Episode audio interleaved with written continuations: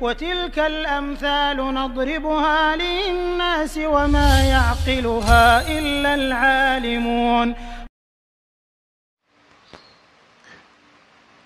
بسم الله الرحمن الرحيم. السلام عليكم ورحمة الله وبركاته. الحمد لله حمدا طيبا مباركا فيه. الصلاة والسلام على رسول الله وبعد.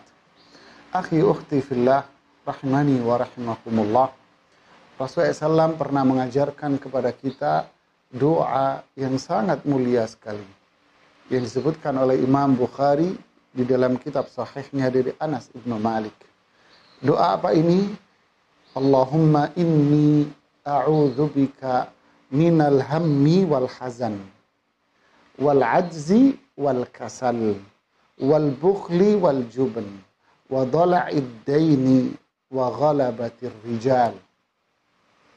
Allahumma ya Allah aku berlindung kepadamu dari apa? Minal hammi wal hazan. Dari ham, galau, gelisah, hazan, kesedihan. Wal azzi wal kasal. Dari ajas, lemah fisik.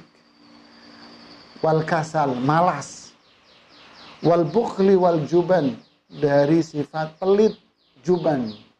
Juban ini apa namanya sifat pengecut. Ya. Wa iddain wa ghalabatir rijal. Hutang piutang. Dan orang-orang yang menekan dia. Akhi ukhti fillah ini doa yang sangat mulia sekali pantas dan layak untuk kita panjatkan setiap hari. Kita berlindung kepada Allah dari sifat-sifat psikologis yang buruk. Apa itu ham?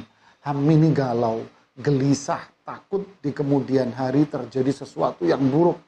Takut kena covid, takut kena ini, takut, takut, takut. Takut rezekinya, apalagi sekarang bisnis surut, pekerjaan turun, dan sebagainya, takut. Hazan, sedih atas apa yang sudah terjadi yang lalu Wah kemarin begini, kemarin begini, ketakutan, ketakutan yang akan terjadi.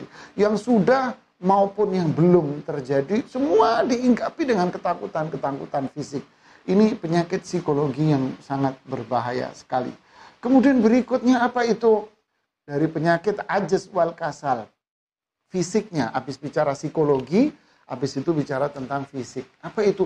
Fisiknya lemah, antibodinya lemah.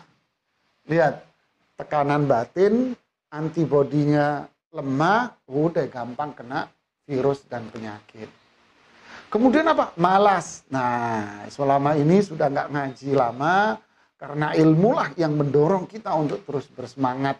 Firman Allah, sabda Rasulullah SAW yang menjadikan kita ini terus bersemangat, dan itulah zikir yang paling mulia menjadikan hidup kita ini tenang, yang akhirnya kita tidak menjadi pengecut, dan tidak menjadi orang bakhil ya hutang piutang pun akan segera terlunasi dan diberikan kemudahan oleh Allah. Subhanakallahumma bihamdik asyhadu an la ilaha illa anta astaghfiruka wa atubu ilaik. Assalamualaikum warahmatullahi wabarakatuh